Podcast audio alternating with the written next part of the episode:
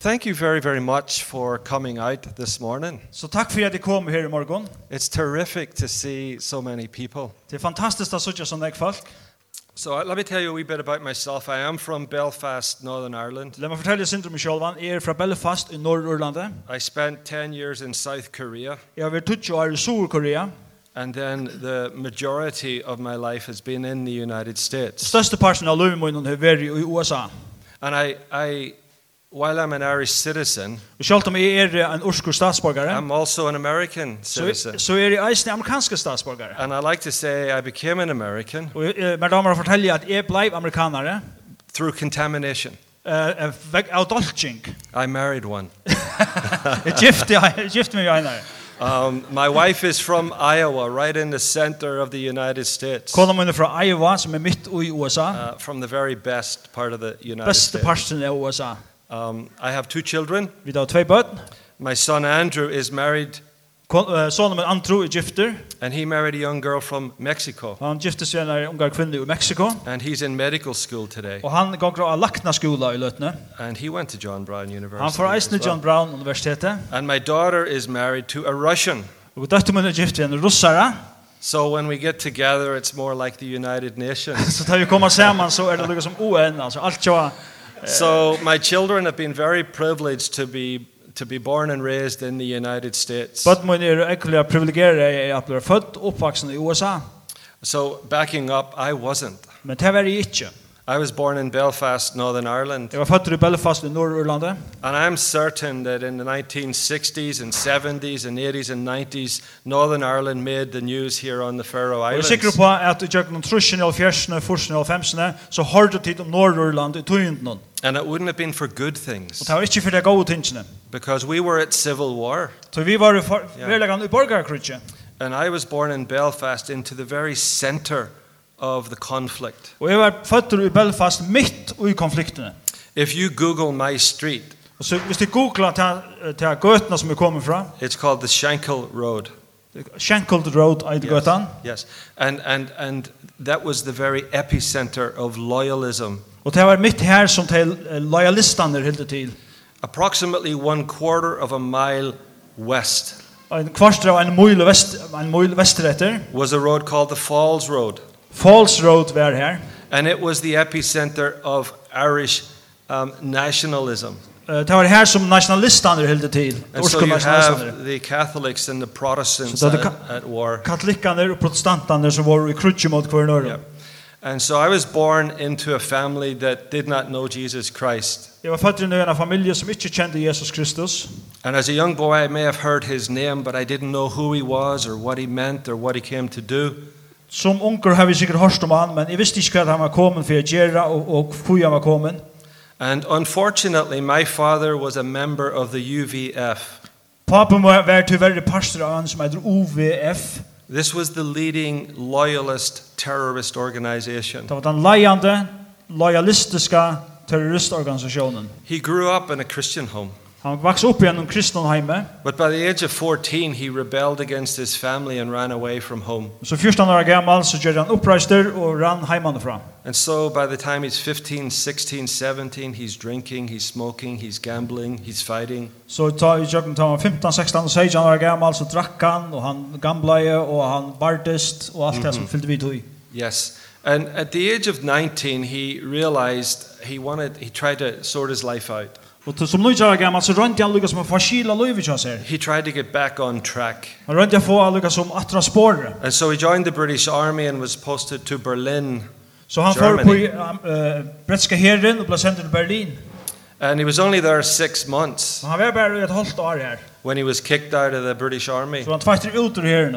he was smuggling weapons back to Belfast. Han smukla i våpen atter til Belfast. So now he's back in Belfast, really unemployable. Nu er han i Belfast, og nu er ønsken som vil se- seta han i starv. And he, he goes right back into the UVF. Han får beint i nøya til dette eh, And this, OVF-fellesskapet. this time he commits his life, he, he commits everything. Og nu ivergjever han alt sitt liv til dette her. And within a few years, he is now a commander. Og etter noen få år så var han en leiende maver i disse organisasjonen. Yeah. And, and this meant that, that my home as a boy may have had bombs in it and guns in it. Så det merker jeg at heimen som her jeg vokste opp, hei helst bomber og, og våpen liggjande inne her. Yeah, and these weapons would have been at my father's disposal to distribute. Og det var papen min som skulle heie det om hente um at bære ut til ånder. And my father is now a decision maker of, of what bomb went where.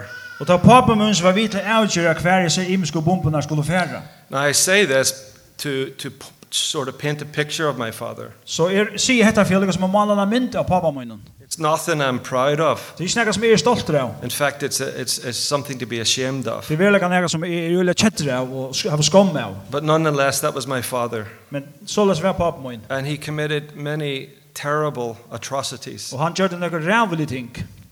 Um, my mother, on the other hand, Mamma min himveien was uh, a good woman. var en god kvinna. And she loved me and my sister Isabel. Hon elskar meg og syster min Isabel. So in the morning, she would get us up, ready for school, Og morgenen så fikk hun noen ur sannsene og gjør hun klare for skola. feed us some breakfast, and get our uniforms on. Gav hun eh, morgenmat og så let hun i skoleuniformen. And off to school we would go. Og så får vi til skola. So I felt like I, my mother loved me. Så jeg følte jeg at mamma min elskar meg.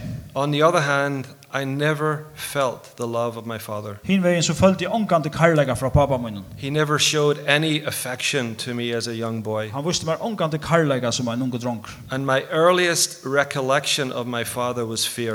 Og det som jeg minnes pappa min fyrir fra første løt, første tog jeg var øtte. I was afraid of him. Jeg rattet han. He was a violent man, Han var en voldelig med over. especially with alcohol. Særlig at han var fotler. And times I witnessed him uh, beating my mother Og åknar så sa jeg at han, han, han boka i mamma mina. in a violent rage. I en ekvelig har, harlig måte. And that's even more scary than if he were beating me. Og det var opphatt verre enn hvis han boka i meg. And sometimes I remember thinking, beat me, Og så hoksa jeg åknar, boka heldig meg, but not my mother. men ikke mamma mina. Um, my mother uh, supported my father in his, in his work. Mamma min stola i pappa min og i tog som han gjør det. She was a very strong woman as well. Hun var eisen en øyla sterk kvinna. And I remember her one afternoon taking a gun. Jeg minnes en setna barst, hun tog en, en, en, en, en, en våpen. And out on the middle of the street, she stopped a milk lorry. Og så ut i gøtene, så stekka en, en sånn lastbil som kom i mjölk. And the milkman ran for his life. Og mjö- Mjölkamæveren, han rann fyrir løyven hon. And myself and some of our neighborhood friends, we took all those milk bottles, empty milk bottles, Så jeg og nekker, nekker av vimmannen her i grannlandet tok alle seg tomme mjölkaflaskenar. and we put petrol and sugar and cotton wool in it. Så vi kørte, eh, vi kørte bensin og, og sukker og så, eh, så var det, eh, hva heter det, Cotton Cotton- wool. bommåtlige. Yeah, don't do this at home. Ikke gjøre hettar heima. and we made petrol bombs. Så gjør, så gjør vi bensinpumper. And I remember teenage boys coming to my home Og jeg minnes det at ti- teenager og dranger kom inn i heimesjåkon, and my father instructing them that there was a Catholic neighborhood. og så fortalte papen Timon at det var et, eh, et katolskt kvarter, and they were to burn it out using the petrol bombs. Der skulle brenna det nyer ved å bruke seg her bensinpumpen der. And so the next day on the way to primary school, I was able to see the smoke coming from those homes. Og så av vi i skola, i- da jeg var, smart, jeg var smadranker, så sa jeg i bakgrunden hvordan røykeren kom opp fra som brente husen. And I knew that was my father's work. Og jeg visste til at det var et, arbe, et verk som papen min stod 18-4. And I wasn't proud, Og jeg var ikke stolt. but I began to question why. Og jeg spyr, spyr, spyr, spyr jeg, hvor? Why did we burn people out of their homes? Hvor brenner vi folk ut ur heimet her? Why are we murdering each other? Hvor dreper vi hver annan? And the more I asked those questions, why, my father would get very angry with me. Og meire spurte hvor, meire etter ble papen min ved, ved meg. I was to follow in his Jeg footsteps, skulle genka i hans her fotosporen. I was to pick up the gauntlet of his cause, Jeg skulle teka lukka som stafettina. and I was to be the big, brave leader that he wanted me to be. Og jeg skulle være den store leieren som han ville ha meg å være. And I wasn't. Men jeg var ikke det. I had 51 cousins on the Shankill Road, Jeg har fem, uh, en og alt trus sistnabøten, eller, ja, sistnabøten og, og hans gøten her. and many of my male cousins were picking up that Og, gauntlet. og flere av teimon, teimon dronjen tok uh, seg stafettina. And oftentimes I would be compared to a cousin. Og ofta så var jo samanluknar vi sistnabøten sammen. Why can't you be like Jackie Hvordan hvor var du, er du som Jackie, or Trevor? eller Trevor? But that wasn't me. Men det var ikke jeg. Now, that's my mother and my father. Til er mamma min og pappa min. My home wasn't anything special. Akkurat heim var ikke noe særligt. Uh, Ireland, as you know, gets a lot of rain. Uh, Og til- det regnar ytla i Urlandet som det sikkert vita. and my room had three leaks. Og rummet her som jeg boe, her var lekta i tre måneder støvun. And in the winter, it was cold and damp. Og om vetren så var det kaldt, og det var noe damper. And several times during the night when it was raining, I had to empty the buckets. Og ofta når jeg måtte jeg flere for når jeg løp i av nottene til det regna i et tøma uh, spannene som det regna i nyrå i. And I could sit there listening to the sounds, knowing, oh, that one's almost full. Så, og, så jeg minns at jeg kunne lusta, så hørte jeg det dryppa i øynene, nå er hantan spannen fått. So I was sleep deprived as a young boy. Så av det samme så, så, så, så, fikk jeg ikke sove nok som en liten dronk. Yeah. Now, my grandfather Stevenson, my father's father, Pape til papa min, Stevenson, I met for the first time when I was five and a half years old. da jeg var fem og et halvt år gammel, da møtte jeg henne første før. Remember, my father rebelled against his parents, ran away from home, and wanted nothing to do with them. Minnes det at pa- papen min, han som 14 år gammel, gjør det oppreister og rymte fra dem, men det ville absolutt han kjave i foreldrene jeg gjøre. And so when I mi- met my grandfather for the first time, it was in my own home. Så da jeg møtte Abba min første fyr, så var det heima tjokken sjolvun. And I was immediately struck. Og jeg var rakter beina veien. He was well dressed Han var vel uilaten, a shirt and tie and a lovely jacket, og en- og i ky- kyrst og og slips og en pen og jakka, very well polished shoes. så vel bosta og skålen. And he sat down on the, the armchair. Og han sett seg ned her i, i armstå, uh, arm, levenstålen, And he always called me William. og han kallar meg alltid William. And he said, William, come sit on my knee. William, kom og sett jeg knæ i jammer. And that was the very first time that I had any love or affection from another man. Det var første fyr jeg følte karlaga og omsorgan fra en og er nøren manne. And I fell madly in love with my grandfather Og jeg ble totalt forelsket i Abba min, because he loved me. tog han elskar i meg. He was interested in me. Han var ahoar i meg her. And there's nothing quite like the love of a grandfather or grandmother. Og det er ikke som uh, karlagen fra en og Abba, eller fra en og jomme. And I imagine there's grandparents here today. Love your grandchildren. Abbar og ommer er sikkert det, ja. Elsker det ikke badnabød. It makes a powerful difference Did in you- their lives. Det gjør en største mån du løvner til dem.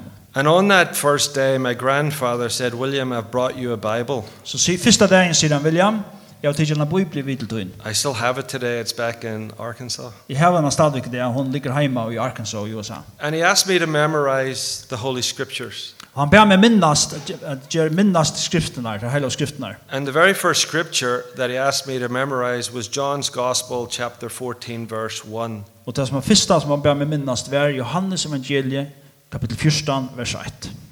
Would you mind reading? Yeah, I'm gonna read that. Johannes 14, 8. Vi kan finne det her. Hjärsta tikkara öttest ikkje, tid trygg var god, trygg vi av med vi. Just the first verse. Six, verse six. Ja. Sorry. Og i huset fægismunns er hun nekve bostæger. Vart ikkje så, hei jeg sagt ikkon til han, to er fær bostra gjør ikkon stæd til reier. Og ta er fær en bostor og hei gjørst ikkon stæd til reier, kom i atter og ta ikkje tikkon til moin, så eisne tid skulle være her som er. Og her som er fær vita til vegin. Thomas er sier vi han, Herre, vi vet ikke hver du først, og hvordan kunne vi vite veien? Jesus sverar i honom, jeg er veveren, sannleiken og løyve, ånden kjem til feiren, utan vi mer. Thank you. Let not your heart be troubled. Hjertet tykkar er øttest ikke. Believe in God. Trygg vi av god. I started memorizing it. Eh, Jeg jeg blir min, jeg lærer eh, meg dottan i at. And by the following Friday, my grandfather comes Nasta frutja dagen kjem Abba min atter, and he sat down and he said, William, did you memorize that verse? så sier han William, jeg du lærte jeg deg vers 17 i at. And I couldn't wait for that moment. Og Jeg jeg kunne bare simpelthen ikke bo i etter hans I løtene. was so ready for that Jeg moment. var så klar til hans løtene. Because not only did I memorize the first verse, Så jeg myntes ikke bare det første verset, But I took the whole week and I memorized the whole chapter. Men jeg tok til vikna og jeg lærte meg allan kapitlen utan at. Why? Hvor? Because I wanted him to be pleased with me. Så jeg ville han, skal, være- han skulle være stolter av meg. I wanted him to be proud of me. Jeg skulle, ja, han stolter av det som jeg gjør. And it wasn't for the money. Det var ikke for penger, And uh, he was very proud of me. og han var stolter av meg. But each time it would come to verses f- 5 and 6 Men hver efter kom til vers 5 og 6, about the Lord Jesus Christ promising the disciples, I will come again ta, han- ta Jesus lova i lærersveien, jeg skal komme atter. and I will take you home. Jeg skal tenke deg heim. My grandfather would say, Sier Abbe Moin, William, William, when the Lord Jesus Christ comes back, he's going to take your Aunt Margaret home. Ta i Jesus kommer atter, så fer, uh, så fer tantan ja der, Margaret, He's så fer gonna hun av take- Tidsheim. He's going to take your grandmother home. Omma døgn hun var Tidsheim. He's going to take your grandfather home. Abbe døgn han var Tidsheim. But Men you, William, you're left behind. William er Thor lad nett. And that was devastating. Det var øyeligt.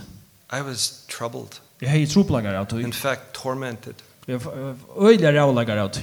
For weeks, Og i vikevis, sleepless nights, klarer jeg så sov om nottene. not because of the rainy water buckets, Det var ikke på grunn av regnen og det drippa inn i spannene.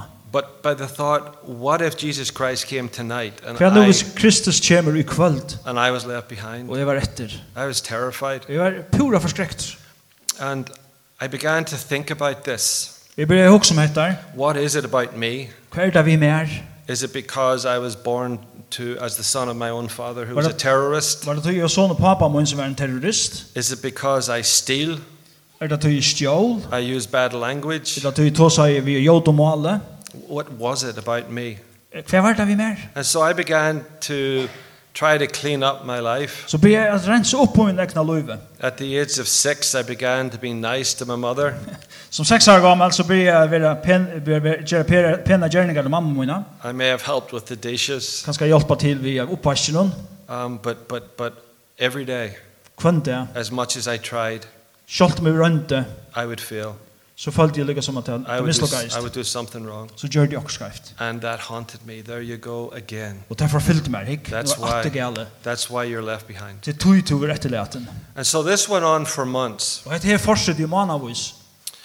And one New Year's Eve, Og en av nødgjørn, av nødgjørs det, my av mom, nødgjørs and, aftan, ja. my mom and dad were away drinking, Så var foreldrene som var borst ut i drukko, partying. hadde et par, en, en, en av varsle. And when they would do that, it could be for days and nights. Og til det forrige stedet hadde varsle, så kunne det godt være borst i der og viker. And always an aunt or uncle or cousin would take care of myself and my sister. Og så var det onkelen som var et eller mamma, et eller pappa, et eller en moster og faster som tog seg av mer. But on that night, my grandparents came Men til ferien kom og omman og appen som var. and they said, Right, you're coming home with us. Så jeg sa at nå kommer du hjem vi okken. And so we left the Shankill Road of Belfast Så vi får ur Shankill Road i Belfast, and we went out into the countryside så får vi ut av land, ut i land. that I had never seen. Jeg omgang sier det for. And when we got to my grandparents' house, I was immediately struck. Da jeg kom til huset, tja foreldre, tja amma og abba munnen, så When ble vi rakt til beina veien. When he opened the beautiful door to his home, Så han åpnet de lekre horene til heimen tja heimen. the pleasant aroma, Så han lukteren som kom ut herfra. it was warm and inviting. Det var heitt og det var innbjående. The furniture was beautiful. Uh, uh, stålene og alt det, det var møblene var lekre.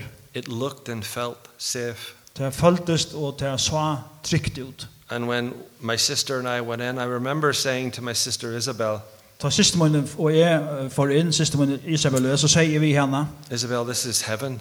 Isabel, hettar er himmelst. This is what my grandfather's talking about. Hette det som abba um? min tåsar om. And, and let's not mess up Læt dere ikke gjøre noe skreft her. because I don't want to leave here. Så jeg har ikke hoa ferdig herfra atter. And that night, my grandmother cooked a ham. Eh, ta ta ta den ta koka i skinke av av- koka om om en skinke. Yeah, so it's just the four of us at the kitchen table. Vi eating fyra the så ham. vi köksbordet And at the end of the dinner, my grandfather pulled out his Bible och så tar jag tar i måltid var Leo så tar upp med bibeln fram. and he began to read the Holy Så Scriptures. börjar han läsa den hela av skriften. And these are odd verses to read at New Year's Eve dinner. Det heter underlig er vers att läsa av nudjarsaftan. Verse 1 For all have sinned and come short of the glory of God. Öll hava synda och ta må fattast dårligt Guds. Who reads that on New Year's Jag Eve? läser det nudjarsaftan. Um, but, but my mind began to process. Men, men sinne kommer bli att lyckas som arbetar vis ner. And I, I hung on to that word all. Och jag, och jag hångt mig till år öll. It's not just me, Ikke bare jeg. all have sinned. Öll hava synda. And just as I was getting to understand that, he read another verse Og som vi byrjar skilja hetta her, så leser han et annet vers. For you are born in sin and shaped in iniquity. Tid er, tid er født og synd og mynda i, i, i ønd- øndskapet. So now my mind is just flying, Og Nå, nå flyr bare synden som er bare sted. and I'm remembering all the sermons that my grandfather told me over the weeks. Og jeg minnes alle disse talene som appen min er i Vustmar og i Jøkken, alle disse vikene. But I'm really thinking, Og jeg huksa jeg. for all have sinned. Ødla var synda. We're born in sin. fødde synd. And I'm trying to get my mind wrapped around Det er that. rønt lukket som er fæta og fengt her. In the middle of that deep thought, Og- Og mitt og gjerne så djup og huksna my, huksna. gra- my grandmother said, William, it's time for your bath. Så sier omma min, William, du måste färre be. And so I was escorted upstairs Så jeg ble leitur oppa, to the bathroom where there was a, a, a beautiful big bathtub. og her var størst be jeg gikk her. And it was full of hot water and bubbles. Det var fullt av, eh, av heid og vatten og boblon. And I don't know if you like bubble baths on the Faroe Jeg vet Islands, ikke om du kan ta en boblebæ her i färgen. but still to this day I love a bubble bath. Og sjålt i det elsker jeg boblebæ. That's where I do my big thinking. Til ta i huksna djup og tankarna. Um, but in that bathtub, I began to wonder again Og i mena sett i bergkaren her, så ber jeg atre at undrast. that I was born in sin At jeg var føtter og synd. and I needed forgiveness. Og mer tørva i fyrtjøving. I needed a savior. Jeg mer, mer, hei- jeg har brug for noen frelsere. And I just began to pray out loud to Jesus Christ. Så jeg ber jeg bare bia harst ut til Jesus Kristus. I didn't know if I was doing it right, Jeg visste seg som jeg gjør det rett. but I know it was from my own heart. Men jeg visste at det kom fra min hjärsta. And I asked the Lord Jesus Christ to come into my heart, Så jeg ber Jesus komme inn i mitt hjärsta. to wash my sins away, At vaska mina synder borster. to love and accept me, At elska og akseptera meg. to choose me. At velja meg. And that's the night that I became a child of God. Ta ta kvöldi jeg blei av baden gods. And my life has never been the same since. Og så jeg antar jeg lov mot ikke være det samme. Now, that, that was the first member of our family, myself, a born again Christian. Det var den første i, i min familie, jeg sjølver, som blei født av nødgjøn. And when I told my grandparents, they celebrated with me. Og da jeg fortalte for, eh, om og appa min, så, så hølte de en, en hatjaversle sammen med meg. And how important it is to celebrate Og så- hvordan viktig er det ikke at hatjar haltas lukt? when someone comes to know Christ. At onker kommer å kjenne Kristus. My, my grandfather started taking myself to church. Appa min tog meg vissar i kyrkja, i la møte. Um, And when I told my father, I said, "Fa- Dad, I've become a Christian. Og da jeg fortalte pappa min, pappa, jeg er blivet en kristen. His exact words to me were Så this var det sier han hese eksakte årene. Billy, if you mention Jesus Christ in this home, I will break your legs. Believe hvis du nevner Jesus Kristus i hesen husen, så bråd de bein i av der. And I knew he, was, he meant it Og jeg visste at han mente det. because I had seen him shoot kneecaps. Jeg har sett hvordan han sko- har skått inn i knæskjellene til folk. And so I, again, I was afraid of him. Så er alt i stand. And so my, my grandfather said, Just pray for your father, William. Om man sier bare, be for, for pappa din. And so I began a, a prayer campaign Så det blir en bønarkampanje. every night and day, praying for God to save my father, Hvem det og hver kvöld ber jeg for at Gud skulle frelse pappa. to rescue my father, Jeg bjerga honom. to stop my father from doing these terrible things. Jeg stekka pappa min for at gjøre hese rævlige tingene. And then one night, my mother comes home and sits at the fireplace Og en dag så kommer mamma min heim og setter seg ned vid, vid, vid eh, eldstedet. and she says, Billy, guess what I did today? Så sier hun, Billy, gita hva jeg gjør det i dag? I said, What? Og sier, kvælt. She said, I accepted Jesus Christ as my Savior. Jeg aksepterer, jeg tok mot Jesus som min frelse. And I was shocked. Og jeg var sjokkerer. I wasn't praying for my mother, Jeg er best ikke for mamma er min her. I was praying for my father. Jeg var for pappa min.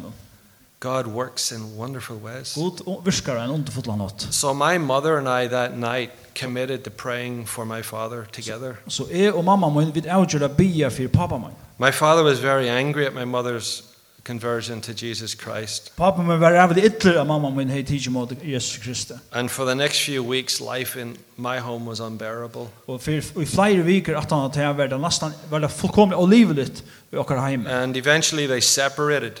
Og enda, det enda vi at jeg bliv, eh, at jeg bliv separera i. And my mother told me that he would never come and live with us again. Og mamma min sier han kommer aldri til å leva ikke okkur natt. So we cleaned up the house Så vi eh, rensa i huset, and we started having dinners together. vi byrja at eta måltid saman. And it was really good. It was wonderful. Det var deiligt. It was underfullt. peaceful. There was no fear. Det var, det var frier, det var ingen øtte.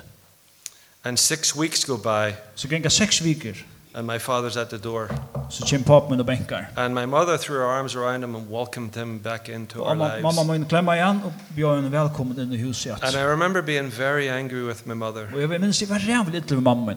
that she, she told us he would never live with us again, and yet he's, he's back in. Hon säger ju också att han kommer alls att bygga efter och alluga alltså tog hon han innat. And our lives went right back, square, square one, Och right back. alluga och får bänt att till det som det alltid är vi är.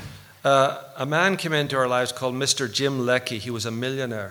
Ein ein maður sum kom inn í inn í Louisville Jim Leckie, hann var ein millionærer. And Mr. Leckie was a very important man in my life. Mr. Leckie var ein ulla tuttinga mig maður í munum Louisville. He knew my grandfather and said to my grandfather, I will take your, grand, your grandson and your daughter in law to church. Eh og han hei sagt við Abba Moin at eg skal taka Abba sonen hjá der og Abba døtrina vi og møte som vi med. So Mr. Leckie, a big man, Mr. Leckie er millionaire, stóru maður. came in his Mercedes Så Benz kom vi sunn Mercedes bile into a terrorist neighborhood. inn i et terroristområde. Where do we find men like that today? Hver finner vi sånne menn i det? I'm sorry, I'm not like that. Jeg kjetter av, jeg er ikke så leis. And he wanted to take us to church. Han ville ta oss vissar av møte. And so we would go with them. Så vi får vi honom. But one week, my father was drinking in Belfast on a Sunday afternoon. En, at en vikna, ta drakk papen min uh, til vikna, og en, og en sundag mor- en sundag kvöld, eller sundag, And I knew Mr. Leckie was coming in a few minutes to take us to church. og jeg visste til at um om han har løtt så kommer her lekki etter okkon og ta oss And my møte. mother sent me down the street to help my father home. Mamma min sendte meg om han et gøtne at hjelpa papen min hun um heim. So I ran and I helped him home. Vi rann om han og rundt jeg hjelpa hun um heim. But on the way, I asked my father, Would you go to church with us tonight? Og vi heim spurte han, papi, vil du komme vi okkon og møte i det? And my father said, Yes. Og papi sier, ja. Now keep in mind, he's very, very drunk. Men minnes lykka til, han er øyla fotler. He's not thinking clearly at Han hoksar all. slett ikke klart. And when I told my mother, I said, Mother, Dad said he would go to church with us tonight. Og så så sier mamma, eh, pappa sagt han vil komme og møte vi okken i My det. mother said, No, Mamma, så mamma sier nei. he doesn't belong in church. Han har jo slett ikke heim igjen i kyrkje. And don't mention that to Mr. Leckie. Og ikke sier neka vi Mr. Lekki. And so, like a good boy, when Mr. Leckie came, Så som en god dronker, da i herra Lekki kom, I said, Mr. Leckie, my dad said he would go to church tonight. Would så you take sier vi him? han, herra Lekki, pappa min sier at han vil komme og møte vi okken i det. And if you've seen the look on a mother's face that could kill you, Så det kan seg utrykk i anledning av mamma tunne, da hun sier, kunne kunne ikke løyve av der. I didn't care. Jeg leier ikke vita. I wanted my father to hear the gospel. Jeg ville hava pappa min skulle høyre evangeliet. I wanted my father to accept Jesus Christ. Jeg ville hava pappa min skulle ta imot Jesus Kristus. And so when Mr. Leckie came, I said, Mr. Leckie, my- my dad said he'd go to church. Will you take him? Så jeg sier til Mr. Lekke kom, papi vil komme vi og kunne møte, vil du, tega, vil du at han skal komme vi? And here is a wonderful millionaire Christian businessman that said yes. Og her er det snill med avren, tryggvande millionærer som sier, ja, I still think that's amazing. jeg halte det her utroligt. We need more people like that. Og kan tørre flere folk som han. And so we went uh, to church nearby. Så vi får til en, en, en møtested at tatt vi. And when we got to the front door, Da kom inn i jøkken horene, I think the, the, the man at the front door could see a drunk man coming. de mennene som stod i horene og så enda fotla mannen komme. They may have known of my father, De kanskje visste om pappa min, uh, but when we got there, they said, Sorry, there's no room. så sa de, tyvärr her er ikke plass. But Mr. Leckie stepped up Så trakka jeg Mr. Lekke fram. and he says, I do not care how many leave, Jeg er lykke glad i hvordan jeg færre av sted. but these people are going in. Hese falskene kommer vi inn. And we got front row seats right up at the front. Så vi enda vi sitter fremsta plås. And during this, the worship, the hymn singing, Og jeg tar løtna til vi sunga lovsang.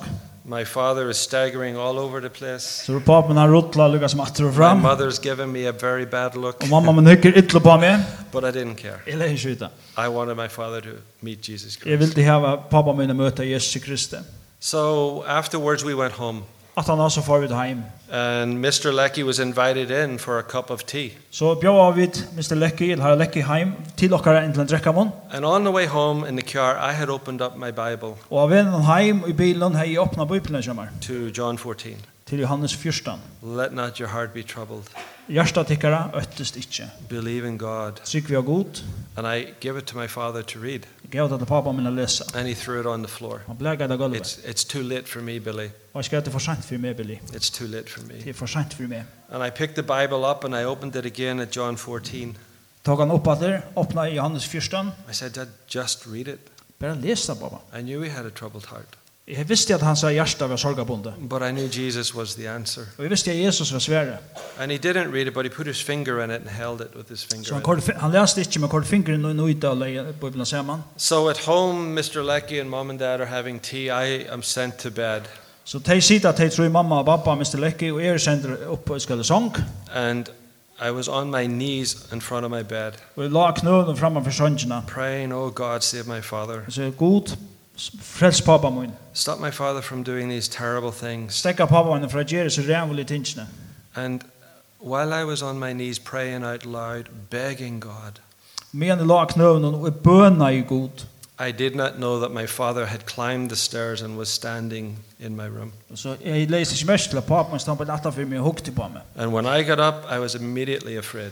Og da jeg reiste meg opp og så han, så ble vi pura forskrekter. But that was the first night that I saw my father crying. Det var første fyrir sa pappa min gråta. That was the first time he ever gave me a hug. Det var første fyrir han klemma i meg. And he put me into bed and covered me with the blankets. Han leie meg i sannsjonal og tok korridoinen opp på. And he went into his own room. Og så får han inn i stegna kammer. About 20 minutes later, he comes back into my room 20 minutter siden kommer han inn i kammer kommer atter. and he pulls the sheets back and grabs me. Så teker han dynen av og så teker han i meg. And he throws me up in the air. Og kastar meg på luftna. And he said, Billy, I've accepted Jesus Og Christ. sier, Billy, jeg har tidsi mot Jesus Kristi.